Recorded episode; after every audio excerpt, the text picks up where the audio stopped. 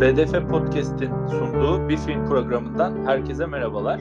Bu programda Angela Şinalek'in Music filmini konuşacağız. Anıl ve Sedef'le birlikte. Öncelikle hoş geldiniz arkadaşlar. Merhabalar. Nasılsınız? Nasıl gidiyor? Keyifler nasıl? Güzel. Ben iki gün sonra askerlik görevimi ifa etmeye gidiyorum. Hayırlısıyla. Ondan önceki son kayıt. Tuhaf bir buluşma evet. Evet, Evet. asker eğlencesi gibi olacak. Mini bir asker eğlencesi. Aynen. Sinema tandanslı. Yine üç ayrı şehirdeyiz. İstanbul, Bursa, Ankara. Ee, buna rağmen güzel bir enerjimiz var. Evet. Sıcakları atlattık. Atlattık mı Sedef? Nasıl Bursa'da Yani. ne var mı? Evet. Bursa'da sıcaktır büyük ihtimal. Yani Ankara bugün Sıcak. yine fenaydı. Son iki gün güzeldi ama bu akşam da biraz sıcak açıkçası. Neyse akşamları hafif esiyor işte ise. Ee, o da bir şeydir herhalde. Anıl senden bir filmin özetini alabilir miyiz? Anlaşılması çok zor bir film. Yine kapalı bir film. Ben pek bir şey anlamadığımı söyleyeyim baştan Evet. ve sonradan yorumları okuyarak anladım. Ee, evet bir özetle başlayalım. Yani açıkçası çok inanılmaz klasik bir Şanelik filmi değil. Ee, onu söylemek lazım. Normalde daha ya işte aile draması ya arkadaşlarla olan bir genelde depresif bir yaz draması olur. Aslında bu da yaz. Ee, yine depresif. Hatta daha e, büyük bir hikaye. Herhalde bu kadar büyük bir hikayeye el attığı ilk filmi diyebiliriz yani. İşte ise ben öyle hatırlıyorum. Son neredeyse bütün filmlerini izledim. Son 20 yıldaki. Ee, hikaye şöyle yani e, John diye bir karakterimiz var. Bu karakter şans eseri bir şekilde evlatlık ediniliyor bir aile tarafından ve sonrasında 20 yıl sonraya gidiyoruz e, neredeyse. Orada da e, bir kaza sonucu bir e, birinin bir karakterin onu öpmeye çalışması sonucu onu itiyor ve o karakter ölüyor. Tabii asıl buradaki mevzu hapishaneyle başlıyor biraz. Burada John karakterinin e, Iro mu? Iro veya Airo. Iro diye hatırlıyorum ben öyle telaffuz ediliyordu filmde. Iro karakteriyle hapishanede tanışması ve açıkçası aralarında bir nevi bir kader bağı e, oluşması. Çünkü e, John'un müzikle tanışmasını sağlıyor ve onun için bir e, çıkış yolu sağlıyor aslında bu. E, ben e, klasik ve şey bir dram olmasına rağmen özellikle müzik sekanslarını, John karakterinin e, uzun uzun e, bu sekanslarını falan genel olarak beğendim. Yine klasik bir zaten Shining sineması var. Bir I Was at Home But değildi E, veya ne bileyim yani Passing Summer'ın veya Nahmitag'ın o tarz bir şeyi yoktu. Ne derler? Akıcılık da diyemeyiz ama hani o kendine bağlayan süreç yoktu. Ama buna rağmen iyi bir film bence ki işte harika bir senaryosu var. Ee, ki Berlin'de de en iyi senaryo ödülünü aldı. Genel olarak eksiğiyle fazlasıyla filmin ana hatları bu. Evet Anıl güzel özetledin. John hapishanedeyken müzikle tanışıyor bir şekilde. Ee, Iro sayesinde değil mi? Evet. Yani o aralarındaki bağın aşk diyebilir Yani- miyiz bilmiyorum. İşte ise biz öyle görüyoruz. Yani daha öncesi var mı yok mu bilmiyoruz hani. Ama yani yanlış mı hatırlıyorum Sedef? Doğru değil mi? Evet. Bakışıyorlar. Sonra uzaktan hep onu izlemeye başlıyor Iro. Sanki onu korumak ister gibi. İşte ne bileyim hapishanede sabun alacaksam alacağı zaman havlu alacağı zaman ve küçük zaten biz onların arasındaki aşka böyle klasik anlatı anlamında işte birbirlerine bakışlar bir anda bir yıldırım aşk olduğu anlamında değil de nerede bence fark ediyoruz? Büyük bir şefkat duygusunun e, altında hissediyoruz. Özellikle Iro'nun eczaneye gidip aslında John diye mi telaffuz ediliyor onu bilmiyorum. Birçok sinopsislerde bu arada parantez sinopsislerde John yazılmış ama aslında Ion normalde. Ion diye bir yerde birkaç defa da sesleniyor filmde de. Bu sanırım Yunanca'nın Yunanca çok film Yunanca olduğu için bu arada Yunanca'dan gelen bir telaffuz farkı mı bilmiyorum. Ee, o yüzden o okuyucu da ya da şu anki dinleyici de farklı farklı karşılaşabilir bu arada e, karakterin isminin telaffuzunda. Her neyse e, John'un ayaklı, ayaklarına yara bandı ve e, merhem almaya gittiğinde biz anlıyoruz burada. Bu çünkü çok böyle önemli bir ayrıntı. Burada onu çok önemsediğini ve sonra işte Bach olsun, e, işte Schubert olsun çeşitli e, müzisyenlerin e, müziklerini e, kaydetmesiyle, kasede kaydedip ona vermesiyle anlıyoruz. Bu tür küçük nüanslar aslında bir Şinalek'in e, aşkı anlatışı da oluyor bir yerde. Normalin epey bir dışında ama çok da e, tatlı oluyor bence. Yani doğal bir şey var orada. Bir akış akışla büyüyen, ilerleyen işte yine John veya Ion bilmiyorum. Ee, onun belirli bir duyusunu kaybedişiyle daha da büyüyen ve farklı bir e, yolla büyüyen bir sevgi veya aşk. Ya benim en sevdiğim kısımları orası oldu açıkçası filmin. Beni orada kısım kısım yakaladı. Mesela e, masa tenisi oynuyorlar üç kişi dönerek. E, arkada müzik çalıyor. Çok güzel bir sahne. Yine John o sırada çocuklara ders veriyor. Tam anlayamadığım bir sahne ama e, uzun bir sekans. Oralarda yakaladı beni film. Tabii hikayeden bahsettik ama bunu e, klasik Angela Hanım'ın e, kapalı anlatımında anlamak zor. Hatta ben şöyle bir şey iddia edeceğim. Bilmiyorum ne dersiniz. Oradan söz vereyim Sedef sana. Yani nasıl operaya girerken, e, tiyatroya girerken tiyatro metni okunmalı ya. Bence Angela Angela Hanım'ın filmlerinde de önce bir sinopsis veya özet okunmalı. Şimdi ben Maalesef. öyle değil mi? Nasıl sen ne dersin? Şimdi Sedef? ben şöyle çok e, uzatmak istemiyorum. Şöyle bir giriş yapmak istiyorum. E, klasik bir şey olacak ama her film aslında kendi seyircisini seçiyor. Ve bazen kendisi kendi seyircisini seçmek için de her yönetmenin bakışı da böyle kendine has olan o tarzını yansıtırken bir eleyici bir unsur oluşturuyor. Mesela bizim e, işte Angela Hanım'ın Havza e, Evdeydim Ama'daki e, filmin başında da ya da Marsilya'nın başında da Nah Müttak'ın başında da ve bu filmin başında da biz uzun süre kameras, kamerasını uzun süre hiç oynatmadan sabitlediğini görüyoruz. Ben e, filmi izlerken şunu düşündüm. E, Angela Hanım bence ya benim filmim zaten işte klasik Hollywood anlatısı gibi olmayacak ya da Hollywood değilmiş gibi ama daha çok Hollywoodlaşan işte Aşk, Aşkar Ferhadi anlatısı gibi mesela sevmem çünkü kendisini. Onun gibi olmayacak ve hazırlıklı olun. Pek de böyle bilindik bir şeyle karşılaşmayabilirsiniz diye birazcık dürtüyor. Ve bu durumda da e, bu Angela Hanım'ı kapalı bir anlatını yapıyor. Aslında e, ben çok kapalı olduğunu düşünmüyorum. Sadece bizlerin çok fazla açık açık bir şeylerin sürekli gözümüze sokulmasına o kadar çok alıştık ve bunun özellikle sinemada da e, zaman sanatı olan sinemada da görselle böyle boyanmasına o kadar alıştık ki bu tür filmlerde e, böyle bir zorluk yaşayabiliyoruz. Ben bunu bir yerde Angela Hanım'ın bizim için bir nefes e, alanı sağladığını düşünüyorum. İşte zaten aslında Tuncay seninle de bir yerde ters düştüğümüz noktalardan birisi de bu filme yönelik. Ben kapalı olduğunu düşünmüyorum. Oradan ufak bir kişisel yine kişisel girdik tabii mecburen. Şeyi I was at home but 3 nokta. Bu filmin isminde bir Ozu göndermesi var. Mesela ben hiç anlayamadım. Ozu'yla ne alaka? Sedef açıklarsın onu belki. Mesela Ben- o, o çok severim hakikaten. Allah rahmet eylesin. Ben de çok severim Ozu'yu ama işte neden Angela Hanım'la yıldızımız barışmıyor? Nerede? Bende mi problem var? Ozu'nun daha incelikli bir sineması var. Ozu Alman değil. Yani öyle bir fark Ha, var. Güzel. Bence çok Yani- iyi bir özet oldu. Bu Evet. nasıl böyle bir... Neden böyle yani Sedef bu Almanlıkla ilgili bir şey yani yapacak bir şey yok yani hani. Ee, şey-. Bak, yani çok- yani şeyden kıyastan dolayı dedim bu arada. Yani e, ben çok seviyorum Shine'in sinemasını. Yani Oz'u da seviyorum. İkisi de belirli yani bütün sinema hayatları boyunca belirli bir plotline üzerinden gidiyor. Nedir? Ya tam plotline da değil de bu.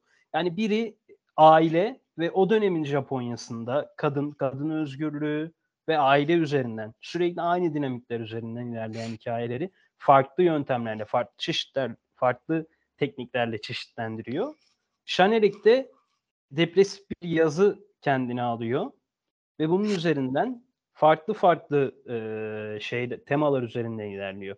Ama genel konu nedir? Ele alınan bir depresif bir yaz günleri. şey olabilir mi? Her iki ülkenin de yıpratıcı bir savaş süreci geçirdikten sonra bununla toplumun nasıl yüzleşmesi gerektiğini bazı yerde becerememesi, toplumun bazen iki yüzlü olabilmesi. Ama yani şöyle bir mevzu var. Yani Japonya için onu söyleyebiliriz belki. Çünkü Japonya'nın her dönemi e, farklı de- direkt olarak devlet politikalarıyla belirlenen, farklı şekillerle ilerleyen bir e, süreç. Yani kültür olarak, toplum olarak. Ama Almanya yani 1800'lerde de böyleydi. 1900'lerde de böyleydi. Yani Nazilerden bağımsız. E, 60'larda 70'lerde de böyleydi. Şu anda da böyle. Yani genel olarak Alman kültürü daha sabit, daha e, belli bir şey ya. Ama Japonya öyle değil yani. Japonya ve Almanya arasındaki genel fark bence bu yani. Bir de Almanya'nın büyük bir felsefe geleneği var. Büyük bir hem de, hem bilim hem de felsefe geleneği var. Ve bunun ağırlığıyla e, her şey işliyor. Japonya için öyle bir şey demek biraz zor yani. Katılıyorum.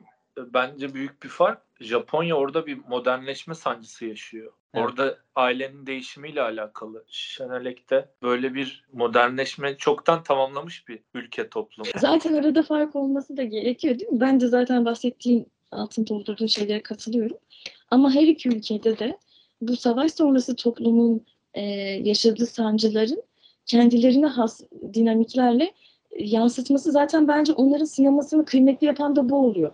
Belki de belki de Angela Hanım'ın e, işte evdeydim ama filmine filminde özellikle Oğuz'dan çok beslendiğini söylemesi ya da mesela bu müzik içinde e, Angela Polous'u tekrar tekrar baştan izledim ve çok dikkatli zaman harcadım diyor.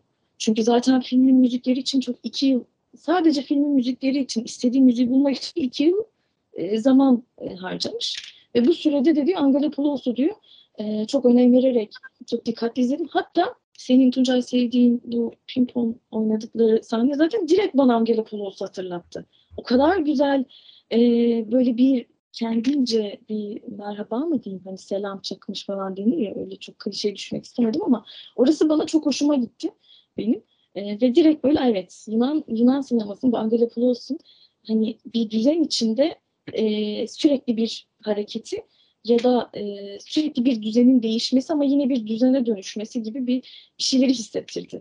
E, o yüzden nereye bağlayacağımı bilmiyorum şu an. Çok çok fazla etkileşim var. Ama şöyle bir şey, e, kaçırdığımız, yani çok kaçırdığımız bir nokta da değil. Sonuç olarak Sedef de ben de filmi seviyoruz yani Şenelik sinemasını da seviyoruz. Hatta Sedef benden Almanya'ya dair 2-3 kat daha bilgilidir. Ama tabii şöyle bir mevzu var. Bu ıı, daha unik bir iş. Evet yani Angelopoulos'un Evet öyle. etkisidir, müziğidir, şunudur bundur ki ben e, müziği de buldum. Hatta o bir tane çaldığı andaki müzik Milo'ydu galiba ismi şarkının. Onu buldum hatta. Yani y- 100 dinlenmesi olan şarkı. Yani bilmiyorum. Çok ucuzluğu da-. Kanadalı Belki çok ucuzluğu da ucuzların arasında kaliteyi arama şeyi de olabilir. Yani filmin bir bütçesi var neticede. Ee,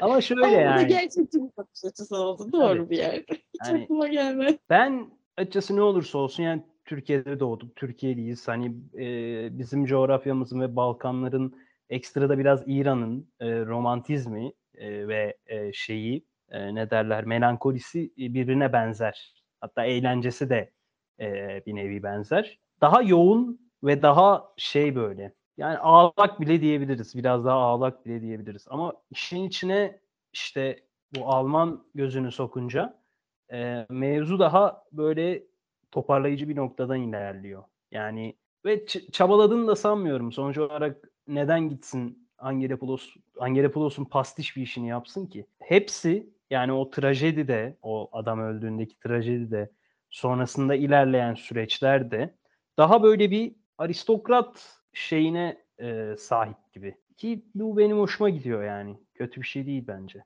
Ben de katılıyorum ve beğendim. Ben filmi e, filmi beklediğimden daha fazla beğendim. Normalde zaten Angela, Angela Hanım'la bir kalbi bir bağımız var bence. O farkında olmayabilir ama ben biliyorum. E, seviyorum kendisini filmlerinde. E, ve bu müzikte dediğin gibi Anıl o şimdiye kadar mesela e, evdeydim mamaya kadar bu Almanya'da olmanın e, şey Angela Hanım'ın bu filmine kadarki filmlerine bir ifadede bulunmak gerekirse kendi açımdan şöyle demiştim ben. Beklemeyi beklememek. Onun filmlerindeki insanlar ister yaz tatili sürecinde olsun, ister eşini kaybetmiş bir hanım o kadın olsun, ister işte bekar bir anne rol modeli olsun, ister Marzilya'daki gibi e, seyahat eden, seyahat anındaki bu havaalanındaki insanlar olsun bir şekilde beklemeyi beklemiyorlar artık. Yani herhangi bir bekleyiş içinde olmayan insan tipolojilerini görüyoruz. Ben de bunu e, savaş sonrası edebiyatla da biraz yani bayağı haşır neşir olduğum için savaş sonrası Alman toplumunun bu süreçte nasıl yüzleşebileceğini yönelik bir bir çırpınış olarak okumuştum. Berliner Schule'yi de zaten buradan bağlamayı düşünmüştüm yazıda da. E, ama müzik için müzik çok bambaşka bir şey olmuş ve çok yakışmış bence. E, Schneider'in kendi düşün dünyasını ve bu Oedipus'u modern anlamda nasıl ele alırımı e, sordum diyor bir röportajında. Ve bunu özellikle öğrencilik döneminde tiyatro oyuncusuyken e, Oedipus'la ilgili Hölderlin'in e, yorumladığı Oedipus ama Sofokles, Sofokles'in değil. Hölderlin'in yo- yorumladığı e, Oedipus'u bir sahneye kurguladık diyor. Sa- sahnede oynadık ve benim o zamandan beri bu anlatıyı modern anlamda nasıl ele alırım diye bir sorun vardı hep kafamda diyor ve bunu sinemada nasıl ele alırım? Nasıl bu açıyı işte kendi artık dert edinmiş ablamız. İyi de yapmış bence hoş oldu. Bunun o yüzden mesela şey de dikkatimi çekti benim ve bu çok yakışmıştı. Bu Bressonvari oyunculuk acayip güzel oturmuştu. Yani aşırıya kaçmayan, e, yüzlerde çok ifade bulunmayan. E, Ben böyle seviyorum bu oyunculuğu. Çok da yakışmıştı ve eğreti durmamıştı. Anlatının akışına, e, akışıyla da uyan bir şekilde. Reston etkisinden tam bahsedecektim. Tam üstüne bastın. O da elleri kolları çok iyi kullanır. Pickpocket filmi mesela. Ee, burada sadece mesela e, karakterlerin ayaklarını bacaklarını izlediğimiz sekanslar var. Şuradan toparlayabiliriz yine Sedef. Sana Berliner Schule'yi soracaktım. Mesela son dönemde Ramon Jürşer İsviçreli. An- Anıl sen Onun bir de sevmişsin. yanında baktım. biri daha vardı galiba. Ha, e, iki kişi Silvan Zürşer'le kardeşler mi bilmiyorum. O bahsettiğin okuldan e, okuldan da bahsedersin Sedef. The Girl and the Spider ve The Strange Little Cat. E, bu Mesela- ikisini izledim. Yani Sedef'e şey yapacağım da mesela Girl and Spider o mesela şeye çok benzer. Ee, Şenerik'in sineması. Oradan söyle. Direkt Angel Biraz daha Angela fantastik versiyonu ama etkisini gördüm ve o sinemayı da ben hiç anlamadım ve hiç bağlantı kuramadım. Oradan Abi sıkıntı sıkıntı burada. Ya ben Sedef'e söz vermeden şunu söyleyeyim. Sıkıntı zaten senin Almanlıkla bir problemin var gibi geliyor çok. Mesela şeyi olabilir. sev evet. o da şey de benzer abi ona bayıldın ama ona da işte politik sebepler diyorum. Ee, tabii yani incelikli de bir film ayrı da senle çok sevmiştik. Neydi ismi ya? Kropotkin'i falan anlatıyordu. Unrest. Ha, Unrest mesela yani. O, o da benzer bir şeyden aslında ve oradaki hani o detay işçilik yani o saate saatten kurduğu o proleterlik meselesinin o inceliğine falan filan yani bunların hepsi böyle birbirleriyle e, bağdaşıp ilerleyen işler böyle. Ama işte sen onu sevmenin nedeni şey politik Politik bir sebep olabilir. Doğru. Kropotkin olduğu için. O başka bir mevzu. Zaman mevzusu. Uzamasın. Strange Little Cat. izlemiş miydin Sedef? Evin içinde dolaşan karakterler hiçbir şey çıkaramadım ben bu filmden. Ee, büyük bir etkiyi de görüyoruz dediğin gibi An- Anıl. Şenlek sinemasından.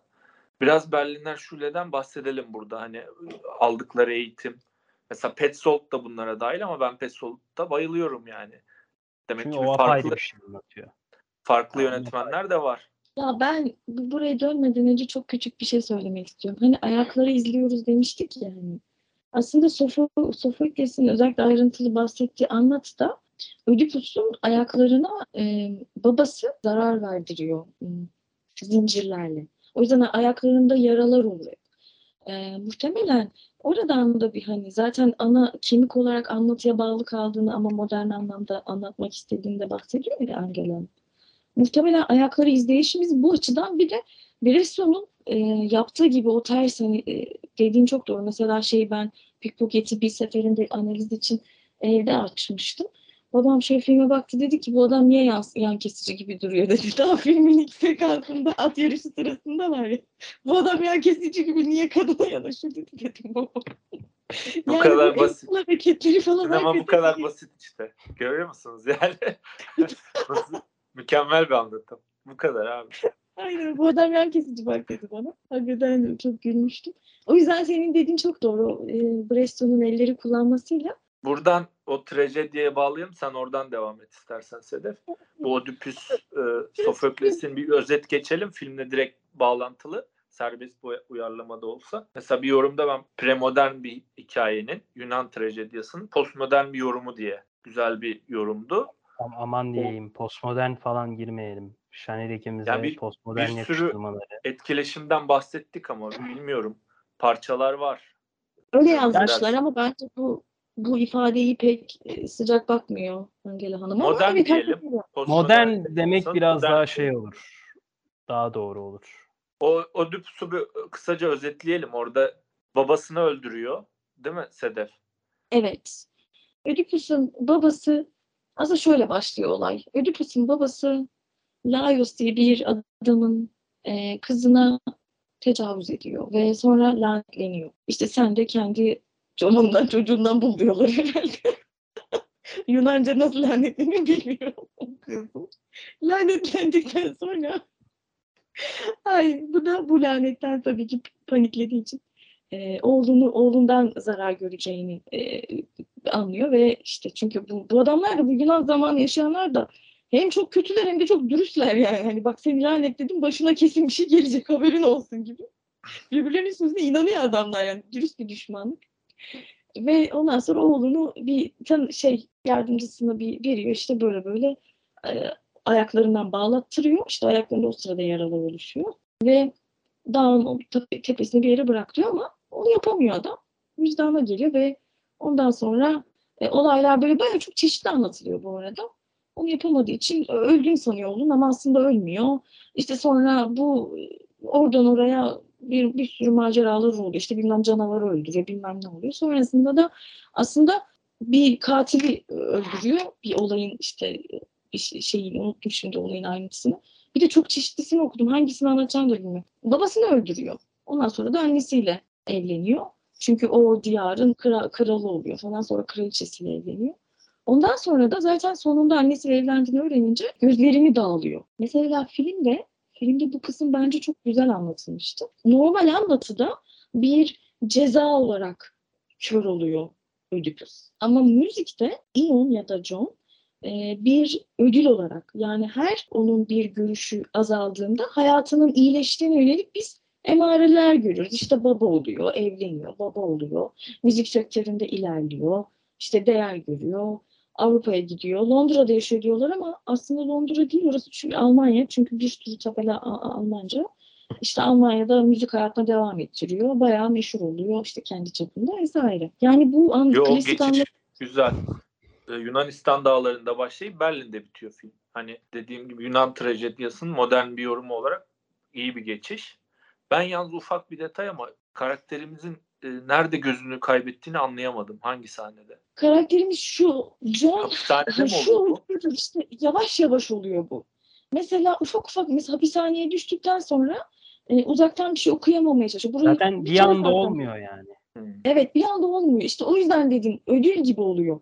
Um, Klasik anlatıdaki e, klasik anlatıdaki olmaması ve filmde de kıymetli ve değerli yapan nokta bence bu oldu.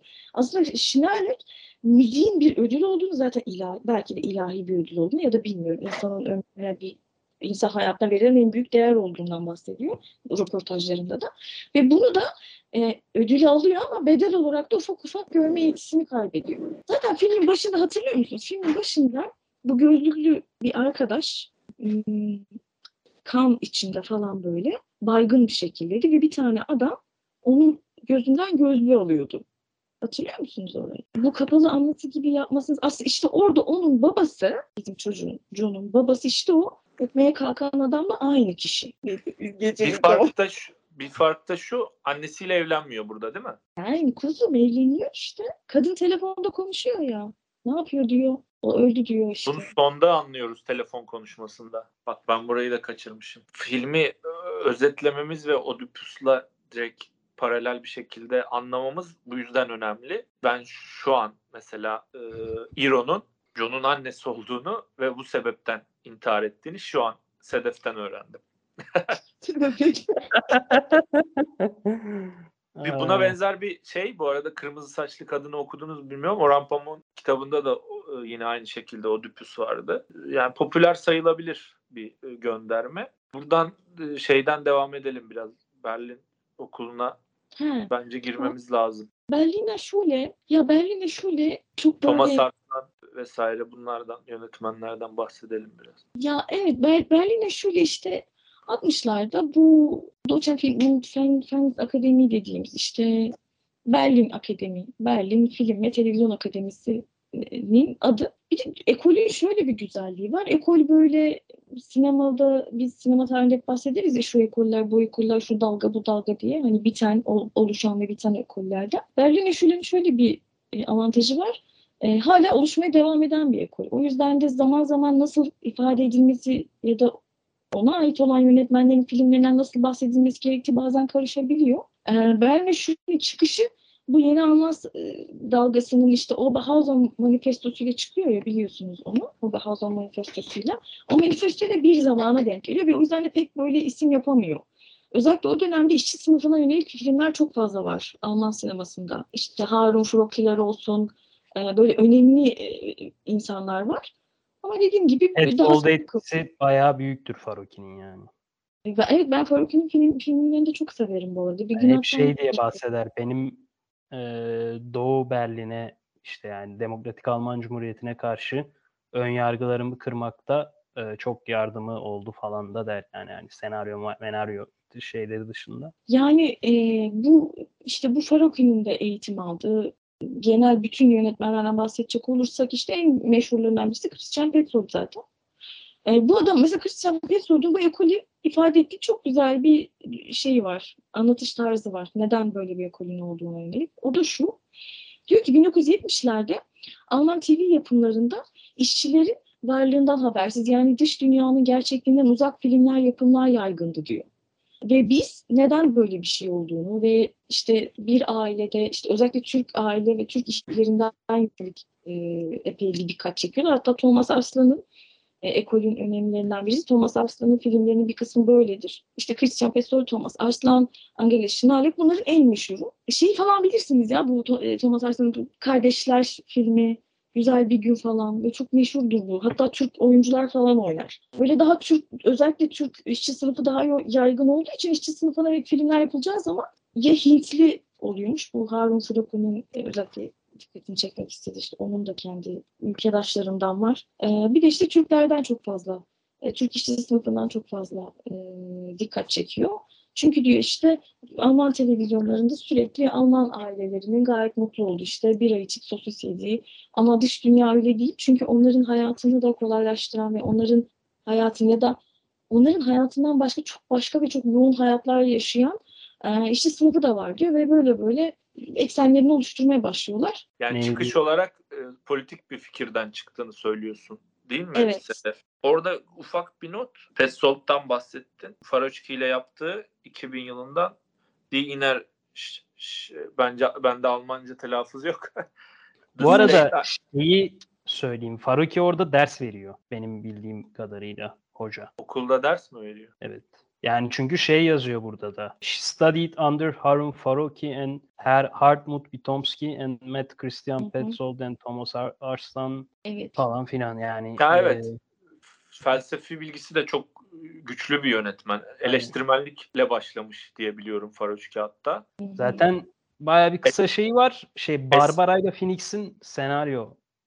Evet evet ondan bahsedecektim. Hani essay filmler yapıyor. Çok fazla belgesel tarzı filmleri var. Hı hı. Ee, The State I Am In 2000 yapım film. Ben mesela bayıldım bu filme. Birlikte yazdıkları bir film.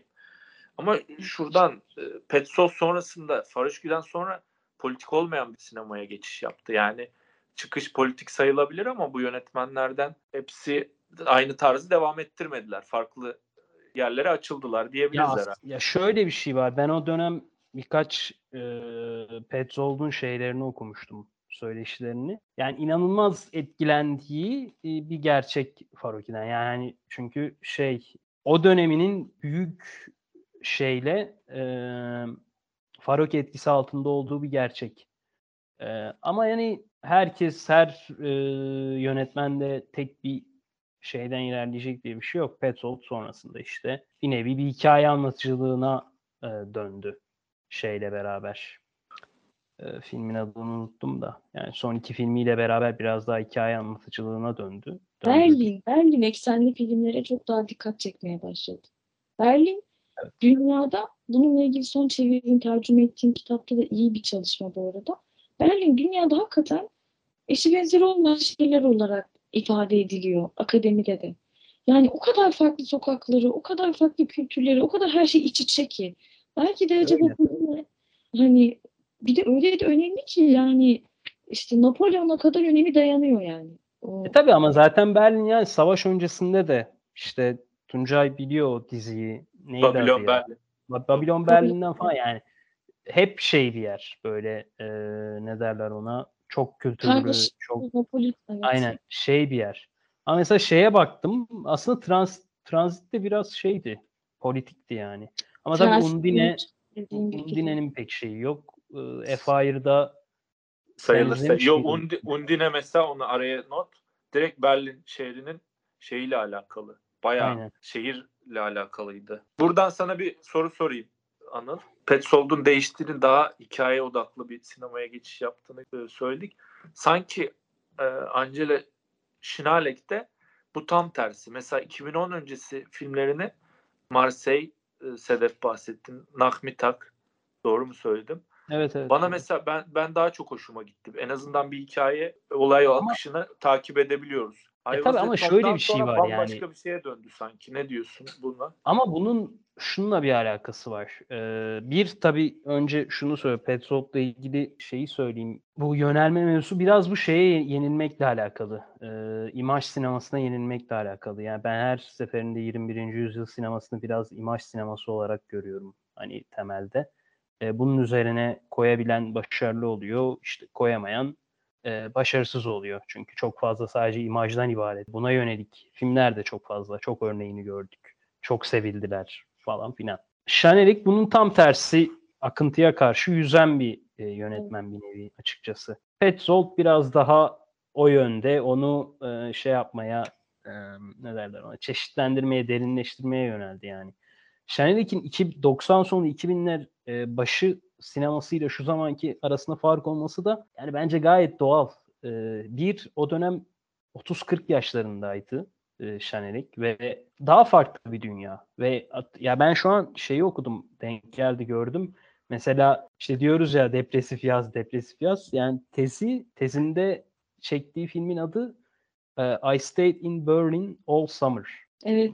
Yani tabi bu benim ekstra kodlamam. Ben yazdan nefret ediyorum. Yazda benim için hep böyle şey geçmiştir. Tatsız işte şey dolu falan filan. Şenlik'in çok fazla sayfiyede veya işte Berlin'den kaçıp Marsilya'ya giden e, ve orada beyhude dolaşan karakterlerin olduğu şu bu daha hareketli bir benim yazlarıma göre bir sineması var ama buradan değişmesi çok da doğal. Hala bir şekilde akademiye tutunan artık 60 yaşına gelmiş bir insan için e, sinemasının da e, bu yönde gitmesi bana açıkçası doğal geliyor. Yani I Was At Home Bad'da da e, müzikte de evet böyle daha derin ve daha epik e, taraflarla ilgilendiğini görüyoruz açıkçası. Çünkü diğerleri hepsi neredeyse daha hayatın içinden.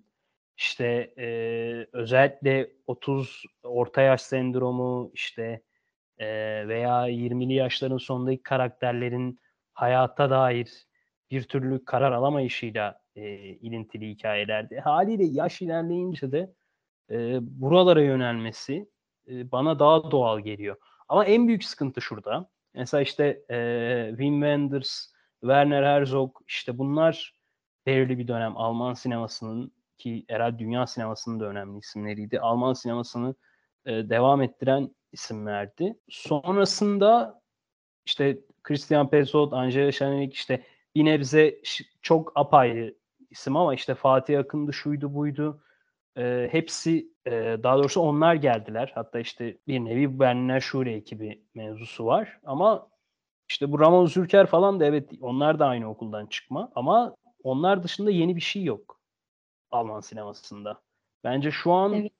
e, en büyük sıkıntı e, biraz bu. Çünkü hiçbiri çok genç değil yani. Petzolt'ta, Şanelik'te işte ne bileyim yani biz Zülkerler biraz genç ama onların da sinemasının nereye gidebilir, nereye nereye gidecek herhangi bir şekilde bilemiyoruz yani total olarak. Ee, Şey evet. diyebilir miyiz bu Angelia Hanım'ın müzik filmine kadar? Böyle kendi kendisini kendisini bir türlü evde hissedemeyen, evini bulamayan karakterler. Hemen hemen tüm filmlerinde var bu. Gerçekten çok böyle romantik bir ifade oldu farkındayım ama zaten onun da bazı, e, bazı repliklerinde özel olarak kullandığı ev bahsi çok sık geçer. Hatta son film yani müzikten önceki filminde de zaten direkt e, fi- m, filmin adını adında kullanıyor. Bir, bir şekilde evde olamama hali. Artık bu nasıl olur bilmiyorum. İnsan aşık olunca mı, çocuğu olunca mı, ölünce mi evini bulur bilemiyorum. Ama hep bu sorunun peşinde gezen bir yönetmendi bence. Ve müzik filminde ise müzik filmi izleyip bitirdikten sonra ben çok şahsi bir yorumda bulunacağım. Sanki şimdiye kadar bulunmamış gibi. Lütfen bulun Sedef. Evet. Şey hissettirdi bana. Gerçekten de bir, bir rüyaya tanık olmak gibi.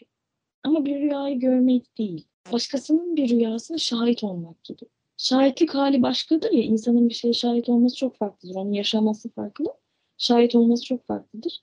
Bu filmi izledikten sonra ben bunu hissettim ve ve bu benim çok hoşuma gitti. Çünkü şahit olurken bulunduğum ya da bana ayrılan konu yani e, yönetmenin e, beni zorlamamasıyla, beni gerçekten serbest bırakmasıyla istediğimizi anlayabiliriz. Belki de kız kardeşi anladı birçoğu. Onun, onun bilgisini vermeyi iyi bile bu kadar gerekli görmüyor yani. Ve önemli olan oradaki derinde olan trajedini kendi sinemasıyla eğreti bir şekilde olmadan aktarabilmek. Bu, bu çok kıymetli ve bunun içine bir de müzik gibi bir müzik gibi dünyanın da en önemli şeyi olan artık ne denir bilmiyorum. Her şeyin bir ritmi var çünkü.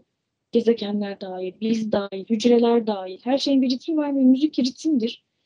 Ve müzik gibi bu kadar kendimce ifade edeyim. Kutsal olan bir şeyi filme, e, filmine işleyerek vermesi bence onu farklı yapan noktalardan biri. O yüzden Alman sinemasında evet bu bahsettiğimiz isimler ne kadar Christian Petzold'un hikaye anlatıcılığı olarak evet olabilir ama ben onun da sinemasını çok beğeniyorum. Transport'da en sevdiğim filmidir. Kıymetli. Ben bu akşam bağlayamıyorum. Yok oradan e, rüya dedin. bilmeyen bağlasın. Rüya dedin oradan devam edebiliriz. Nasıl bir rüya? Hani bir kabus mu? Tragedya ya bu sonuçta. şu, şu soruyu soracağım. Ortaya sorayım siz şey cevap verin. Bir iki sahne yine hoşlandım. Ee, Biraz tanrı bakışı sayılır mı bilmiyorum. Oradan siz devam edin yorumlayın. Uzak planla John ve oğlunun sahilde görüyoruz dağdan. Değil mi? Plajda. Çok uzak bir plan. Bayağı ta- tanrı bakış açısı gibi. Sonra oradan Iro intihar ediyor. Ee, yine çok acayip bir sekans. Ya mesela bana nihilist geliyor bu sinema. Sizce nihilist mi e, Angela'nın e, yorumu, hayata bakışı? Yani değil bence. Ben orada biraz şeyle bağdaşıklık kurdum. Ee, Daha önce birkaç bölümde de zaten konuşmuştuk. Ee, Trenke Laken'de de e, karakter e, bir anda gidiyor, yürümeye başlıyor ve devam ediyor yani. Ve filmin son 20 dakikası falan sadece yürüyor. Yani Nereye yürüyor yani? Ya bir sebep yok yani işte. Bir nevi şey o e, yükten e, kurtulma hali. Aslında yani inanılmaz bir yük var sırtında ama e, bunu taşıyamıyor yani ve, Evet. ve atıyor kendini yani bu nihilist bir taraf yani bana kalırsa yok. Çok şey bir şey bırakmıyor orada. Hatta hafif yani. E, karakterin hafiflediğini bile şey yapıyoruz. Çok intihar konseptinden nefret etsem de hani herhalde sevdiğim iki film oldu. Biri e, Kaşe, diğeri de e, bu herhalde.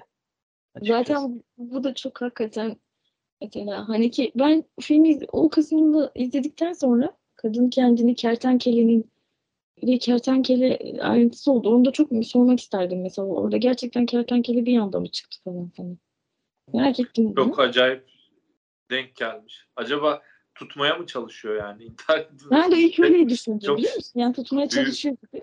Büyülü bir an. Çok ilginç evet. Gerçekten. Evet. Hatta bu burayı Haneke izledikten sonra ne düşünürdü acaba diye. Bunu çok merak ettim. Keşke bilme şansımız olsaydı. Neyse. E, Kaç arada tekrarda denk geldi veya bunu isteyerek yaptılarsa yani. Kent, kentler geri kaçırıyorlarmış. düşünsene. Yoksa attılar mı bacağına? E yani Yok ya. sinema şans şans işi biraz da. Olabilir. Belki gerçekten bir, bir, bir iki defa da yani. Bilemiyorum. Neyse. Ee, filmin o, o kısmını izledikten sonra gerçekten Haneke'nin ne, e, ne düşündüğünü çok merak ettim. Çünkü tam onluk bir e, noktaydı. Bir de şey geldi. Bir o kadın gibi hissettim kendimi. Yani böyle bir şey anlıyorsun ve gayet de kocasını seven, klişe anlatım yapayım. Gayet kocasını seven, çocuğunu seven, onunla birlikte ailesinin yanında olan standart bir mutlu bir çift görüyoruz aslında biz orada. Ama sonra denize giriyor. Bunu öğrendikten sonra önce bir denize giriyor. Yani yüzerek mi artık hafiflemek istiyor yani bilemiyorum. Ee, ve sonrası kendini atıyor. Yani bazen bazı olaylarda nasıl tepki vereceğimizi bilemeyiz. İşte yaşamadan hani derler ya bekara karı boşamak kolaydır diye. Atasözü böyle. Benim suçum yok. Başka sözüm yok. Valla başka bir şey gelmedi aklıma. Böyle bu tür anlatımda atasözü. O yüzden hani buradan konuşmak zor oluyor böyle. Özellikle intihar Peki finali sorayım. Finalden ne anladınız? Orada kızı kurtarıyor mu sarılarak e, trafik kazasından babasına? Yine anlamadığım bir sahne. Finalde şey ilginçti. Çantasıyla bir anda böyle çantasını savurarak düşen adam vardı ya. Oradan neden düştü mesela? Bunu ben düşündüm bir süre. Gerçekten hoşuma gitti ama bunu düşünmek. Yani ben Tuncay gibi eleştirmiyorum sevgili dinleyiciler. Benim hoşuma gittiğini söylüyorum. Bilmiyorum bunu düşünmedim. Sadece beğendiğimi hissettim film bittikten sonra. Kurtarmış kurtarmış. O gelmedi aklıma. Ve babasının güzel, tamamen çok- kör olduğu. Çok, çok güzel bir sinema bakış açısı bu. yani anlamaya çalışmıyorsun. Ben anlamaya çalışıyorum. ya Tuncay. evet, evet. Yani öyle oldu. Bizlerle düşündüm. ilgili diyorsun. Dedim, kesinlikle filmin sonunda biz babasının tamamen kör olduğunu anladık bir kere. Evet. Demek ki senin dediğin çıkıyor. Hani benim ilk başta demiştim ya onun genelde kör olması bir ödül ardından bir ödülle de gelir diye. Demek ki kurtarıldı ama tamamen de kör oldu. Ortak noktada buluştum bak seninle yine. Çok teşekkür ederim. Yalnız bırakmadığın için zaten. Ama işte zaten biraz şey yani bu tip bu tarz hikayelerde b- bırakmak gerekiyor hikayeyi bittikten sonra herhalde biraz. Yani Hatta böyle değil mi zaten? Ne zaman tam anlamıyla anlıyoruz ki yaşadıklarımızı? Hep anlayamadığımız şeyler oluyor ve ard arda oluyor, ard arda oluyor. Yani ben ben bazen e, bir şeyi yazarken falan anlıyorum yani. Ya da atıyorum ne bileyim sizinle konuşurken bir tık bir şeyleri bazen anlıyorum. Aa bu kötüymüş falan diye yani. Şeyi konuşmuştuk. Triangle of Sadness'ı mesela işte. Ya dedim bazı şeyler evet belki kötü.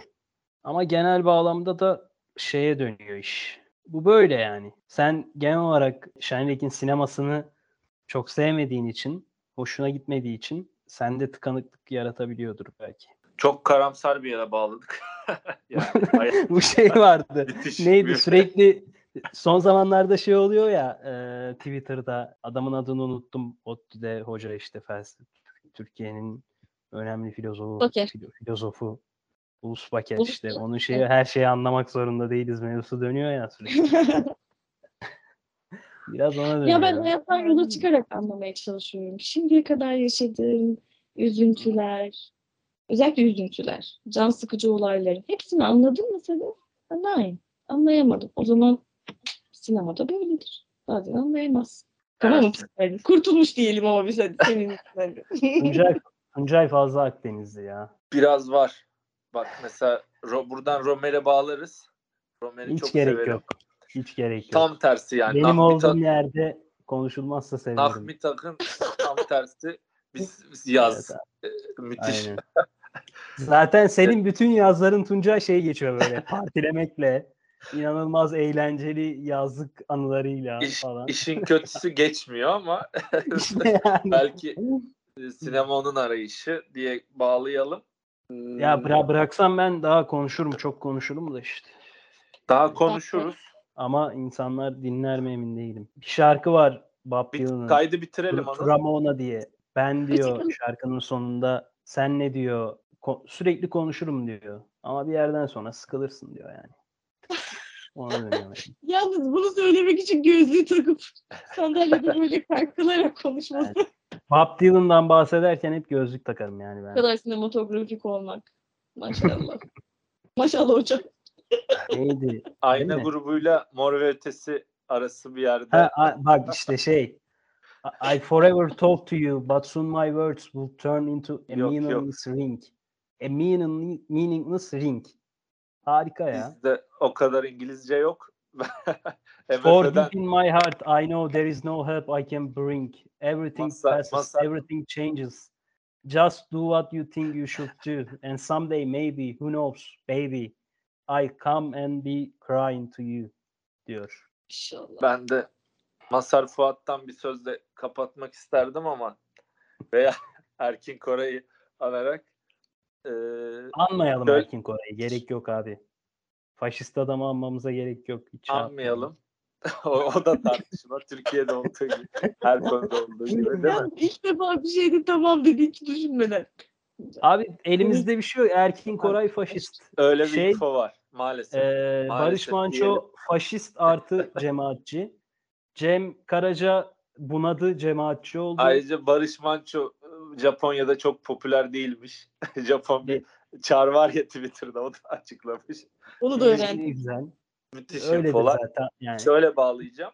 Masar AKP'li. Yani elimizde bir Fuat- tek şey kalıyor abi ondan Fuat- bahsedebiliriz. Fuat, Fuat, en kötüsü onların. Fuat da kötü de şey kalıyor elimizde. Özkan kalıyor. Aralarında en iyi o. o zaman Kafayı yemeden de öldü. Özkan Uğur'a sevgiler ve saygılar diyerek anmış olalım. Allah rahmet eylesin de diyelim bari. Işıklar içinde Diyelim. uyusun. Bütün Diyelim. dünya olsun. Ee, Toprağı bol olsun. toprağı bol olsun. Şöyle Ne diyeyim bağlayacağım.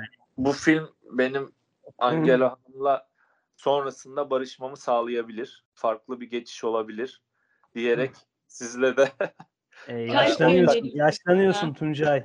Yaşlanıyorsun. ortak Belki bir noktada Rohmer aşkında biter ve kendini Şanerek'in depresif, gerçek sinemasına belki Sıcak Ve- sıcak öğlen yazı böyle. orta sınıf Evet. sinemasına yapış yapış. yaparsın. Aynen. Öyle şeyde de öyleydi ya Deltroy Bir türlü ne yapacağına karar veremeyen bir karakterler şeysinde. Gölde yüzerek. Göl bulabilirsek, deniz bulabilirsek, tatil yapabilirsek, ekonomimiz yeterse. Bu slow sinema hani uzun sekanslar farklı bir tarza gidiyor. Buradan Yunan tragedyası orijinli bir çıkış hikayesi yapmazsa daha e, değil mi? Ç- Çay Minliyank gibi hayatın içinden yalnız karakter. Hayatın E, Abi onda da sinemaya şey dadanıyor yani. Şimdi benim ağzımı açtırma. kendisiyle barışabiliriz. Ben yöntemi söyledim. Kendi Tamam. uymak isterse Hadi uyar devam eder edelim. yoksa kendi bilir. Ee, güzel bir sohbet oldu arkadaşlar. İkinize Evet de çok teşekkür ederim. keyifliydi. Fazla açıldık. Ee, Berliner Şule, Yunan Tragediyası, yönetmenler. Artık dinleyicilerimize sabır mı dileyelim, keyifli dinlemeler mi diyelim bilmiyorum. Umarım seveni vardır, dinlenir. Ee, Biz de devam ederiz bu yayınlara. Evet. Yani biz karmaşık insanlar değiliz. Sinemayı seviyoruz. Bu kadar. Evet. Aynen. Bunu anlayanlar olacaktır. Biz sohbet etmeyi seviyoruz. Paul, Paul Thomas Anderson'ın ilk filmlerinden bir replik. Bakalım. Hayat. Bunun için de gözlük takmam gerekirdi aslında. Paul Thomas Anderson'ın ruhunu yaşatmak için. Ya Peki. Tamam. Görüşmek üzere. Görüşmek Görüşmek üzere. üzere. Hoşça Bir kal. bölümün daha sonuna geldik. Kapattım. Bye bye.